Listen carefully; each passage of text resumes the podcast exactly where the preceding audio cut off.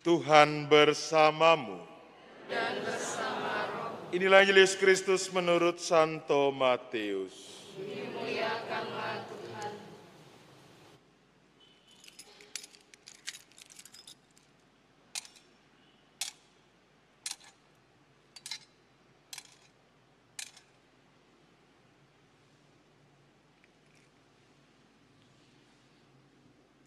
Pada zaman pemerintahan Raja Herodes, sesudah Yesus dilahirkan di Bethlehem di tanah Yudea, datanglah orang-orang Majus dari timur ke Yerusalem. Mereka bertanya-tanya, di manakah dia, raja orang Yahudi yang baru dilahirkan itu? Kami telah melihat bintangnya di timur dan kami datang untuk menyembah dia. Mendengar hal itu terkejutlah Raja Herodes beserta seluruh Yerusalem. Lalu dikumpulkannya semua imam, kepala, dan ahli Taurat. Kemudian dimintanya keterangan dari mereka di mana Mesias akan dilahirkan. Mereka berkata kepadanya, di Bethlehem di tanah Yudea, karena demikianlah ada tertulis dalam kitab Nabi, dan engkau Bethlehem di tanah Yudea, engkau sekali-kali bukanlah yang terkecil di antara mereka yang memerintah Yehuda. Karena dari engkaulah akan bangkit seorang pemimpin yang akan mengembalakan umatku Israel. Lalu dengan diam-diam Herodes memanggil orang-orang majus itu dan dengan teliti bertanya kepada mereka kapan bintang itu tampak. Kemudian ia menyuruh mereka ke Bethlehem katanya, Pergi dan carilah anak itu dengan teliti, dan segera sudah kamu menemukan dia, kabarkanlah kepadaku, supaya aku pun datang menyembah dia. Setelah mendengar kata-kata Raja Herodes, mereka pun berangkat. Lihatlah, bintang yang mereka lihat di timur itu mendahului mereka hingga tiba dan berhenti di atas tempat di mana anak itu berada. Ketika melihat bintang itu, mereka sangat bersuka cita. Mereka masuk ke dalam rumah itu dan melihat anak itu bersama Maria ibunya. Lalu mereka sujud menyembah dia.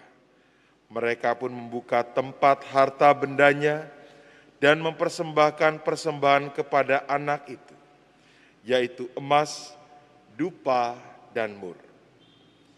Kemudian, karena diperingatkan dalam mimpi supaya jangan kembali kepada Herodes, mereka pun pulang ke negerinya melalui jalan lain.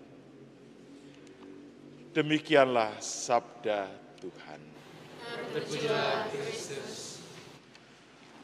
Suster, bruder, Bapak, Ibu, saudara-saudari, rekan-rekan muda dan adik-adikku yang terkasih dalam Kristus.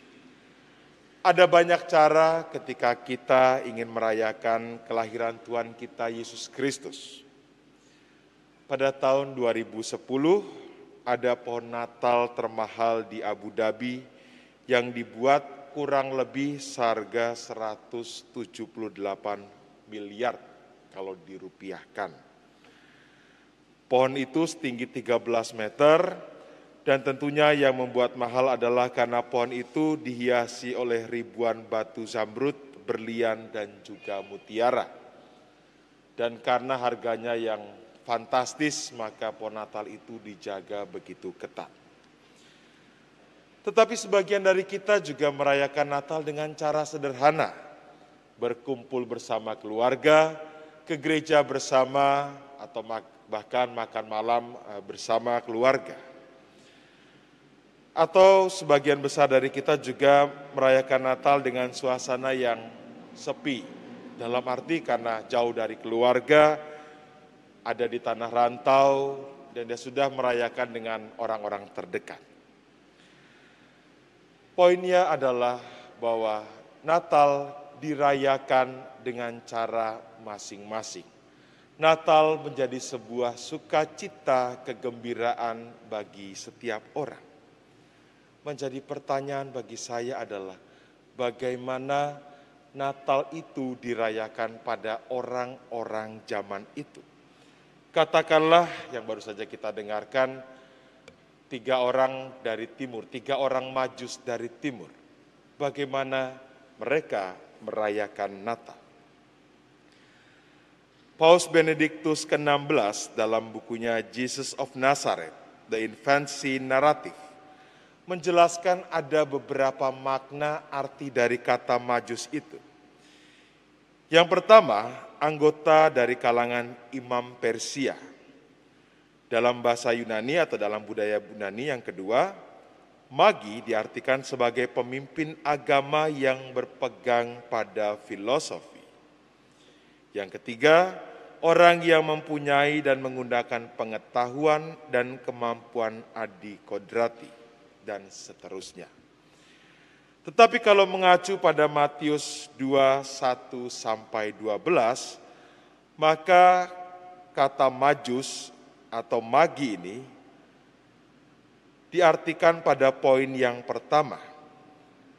Mereka adalah orang-orang yang mempunyai pengetahuan religius dan filosofi yang telah berkembang di daerah itu. Ada juga seorang ahli yang menambahkan ada kaitannya juga dengan ilmu perbintangan. Nah, bagaimana orang Majus ini sampai pada bayi Yesus? Mereka melihat bintang yang lebih terang. Mereka dituntun oleh bintang ini yang bintang ini tidak biasa dari bintang-bintang yang lain. Bintang ini membawa dan mereka juga mempelajari beberapa referensi nubuat-nubuat akan hadirnya sang penyelamat. Maka melihat situasi itu, mereka tidak acuh. Tetapi ada sesuatu yang berbeda dari bintang ini. Dan seakan-akan membawa mereka pada satu tujuan lalu mereka mencoba mengikuti. Perjalanannya cukup jauh. Bayangkan zaman itu belum ada alat transportasi yang secepat seperti sekarang ini ya.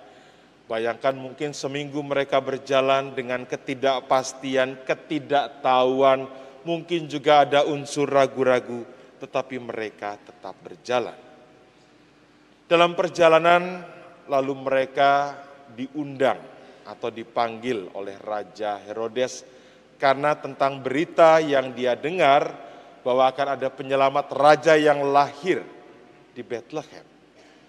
Mungkin ini menjadi juga suatu yang membuat perjalanan mereka menjadi lambat. Mereka mungkin e, ditanya-tanya dan segala macam. Ini sesuatu juga yang mungkin menjadi beban bagi mereka juga. Perjalanan jauh, diintimidasi, ditanya-tanya dengan segala macamnya. Dan akhirnya mereka melanjutkan perjalanan. Dan yang menarik adalah ketika mereka sampai ada sebuah kegembiraan, sukacita yang ada dalam diri mereka ketika mereka melihat bayi Yesus. Melihat bayi yang lemah dan rapuh. Ada sebuah kegembiraan, sukacita yang ada dalam diri mereka. Suster, bruder, bapak, ibu, saudara-saudari, rekan-rekan muda, dan adik-adikku yang terkasih dalam Kristus. Ada tiga hal yang bagi saya cukup menarik dalam perjalanan tiga orang majus ini mengikuti bintang yang begitu terang dan mengarah pada Yesus sendiri. Yang pertama, Tiga orang majus ini terbuka dan mau meninggalkan segala apa yang mereka miliki untuk mencari Allah, untuk mencari bayi Yesus. Dikatakan bahwa mereka ini bukan orang biasa. Mereka memiliki pengetahuan religius, memiliki pengetahuan filosofi, memiliki pengetahuan astronomi. Mungkin juga mereka memahami tentang konsep Allah, konsep Tuhan, yang ada dalam budaya mereka. Tetapi segala pengetahuan itu justru mereka tinggalkan ketika mereka melihat bintang yang menyala. Seluruh konsep yang ada di diri mereka, mereka lepaskan dan mencoba mengikuti bintang itu. Mungkin bagi manusia modern zaman ini tidak mudah. Kita punya pengetahuan banyak. ya. Bahkan eh, segala segala informasi juga saat ini mudah diakses. Tetapi mereka dengan rendah hati meninggalkan segala apa yang mereka miliki bahkan pemahaman mereka tentang Allah mereka tinggalkan. Yang kedua, mereka setia akan tujuan yang ingin mereka capai. Tujuan mereka adalah mengikuti bintang, menemukan bayi mungil, menemukan Allah yang hadir dalam bayi yang lemah. Dan tentunya perjalanan yang cukup panjang. Bahkan perjumpaan dengan Herodes juga ini mengalami suatu distraksi. Bisa jadi ini melemahkan niat mereka, membuat mereka lalu bersantai-santai, melupakan apa yang menjadi tujuan mereka. Tetapi tiga orang majus ini setia. Mungkin juga ketika dihadang uh, oleh Raja Herodes, mereka diiming-imingi sesuatu supaya mengatakan yang benar di manakah bayi itu lahir. Karena Herodes merasa terancam dengan kelahiran Yesus. Tetapi mereka coba untuk setia akan apa yang ingin mereka lihat sesuai dengan apa yang mereka ikuti ketika mereka berjalan mengikuti bintang. Dan yang ketiga yang menarik adalah ketika mereka diminta untuk pulang melalui jalan lain. Bayangkan mereka berjalan cukup jauh. Mereka sudah tahu berapa jaraknya, juga mungkin jalan-jalan yang dilewati ketika berangkat. Tapi ketika lalu ada usulan, ada pendapat, ada mimpi yang mereka dapatkan untuk melewati jalan lain. Ini bukan suatu yang mudah. Mereka keluar dari rasa nyaman. Harusnya ketika pulang butuh waktu mungkin beberapa hari atau beberapa minggu. Tapi karena harus melewat jalan yang lain bisa jadi beberapa bulan. Dan mereka mulai dari nol lagi. Jalannya tidak tahu, lalu juga mungkin kesasar, juga persediaan perbekalan juga terbatas. Bukan yang bukan sesuatu yang mudah bagi mereka untuk mencari jalan lain. Tetapi jalan lain inilah yang bisa juga menyelamatkan mereka bertiga dan juga menyelamatkan bayi Yesus. Pilihan yang tersulit dipilih oleh mereka bertiga supaya rahmat keselamatan masih bisa kita dengar dan rasakan sampai hari ini. Tentu ketika mereka kembali melalui jalan yang sama, kisah cerita atau mungkin bayi Yesus itu tidak pernah kita dengar sampai saat ini. Suster, brother, Bapak, Ibu, saudara-saudari, rekan-rekan muda dan adik-adikku yang terkasih dalam Kristus. Apa yang dialami oleh tiga orang majus adalah gambaran dari pesiaran kita di dunia ini. Perjalanan kita di dunia ini, persiaran kita adalah kita mencoba mencari Allah. Memahami siapakah Allah bagi diriku. Apa yang Allah kehendaki bagi hidupku. Tetapi kerap kali untuk sampai memahami Allah tidak mudah bagi kita karena kita memiliki konsep-konsep tentang Allah. Allah itu baik. Allah itu selalu mendengarkan doa kita, mengabulkan permohonan kita dan seterusnya dan seterusnya.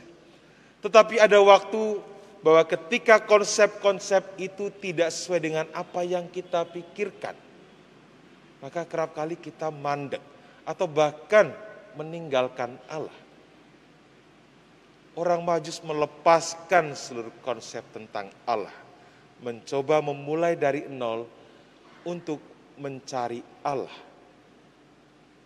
Dan tentu pencarian akan Allah, memahami maksud Allah bukan perkara yang mudah. Dan bahkan lagi kita juga diajak untuk setia dalam pencarian itu. Dan kita juga perlu mencari jalan lain Kerap kali Allah menunjukkan jalan bagi kita yang dalam anggapan kita melelahkan, rumit, tidak jelas, dan segala macamnya. tetapi jalan itu dipilih bagi kita, untuk kita, supaya kita selamat. Menemukan jalan lain.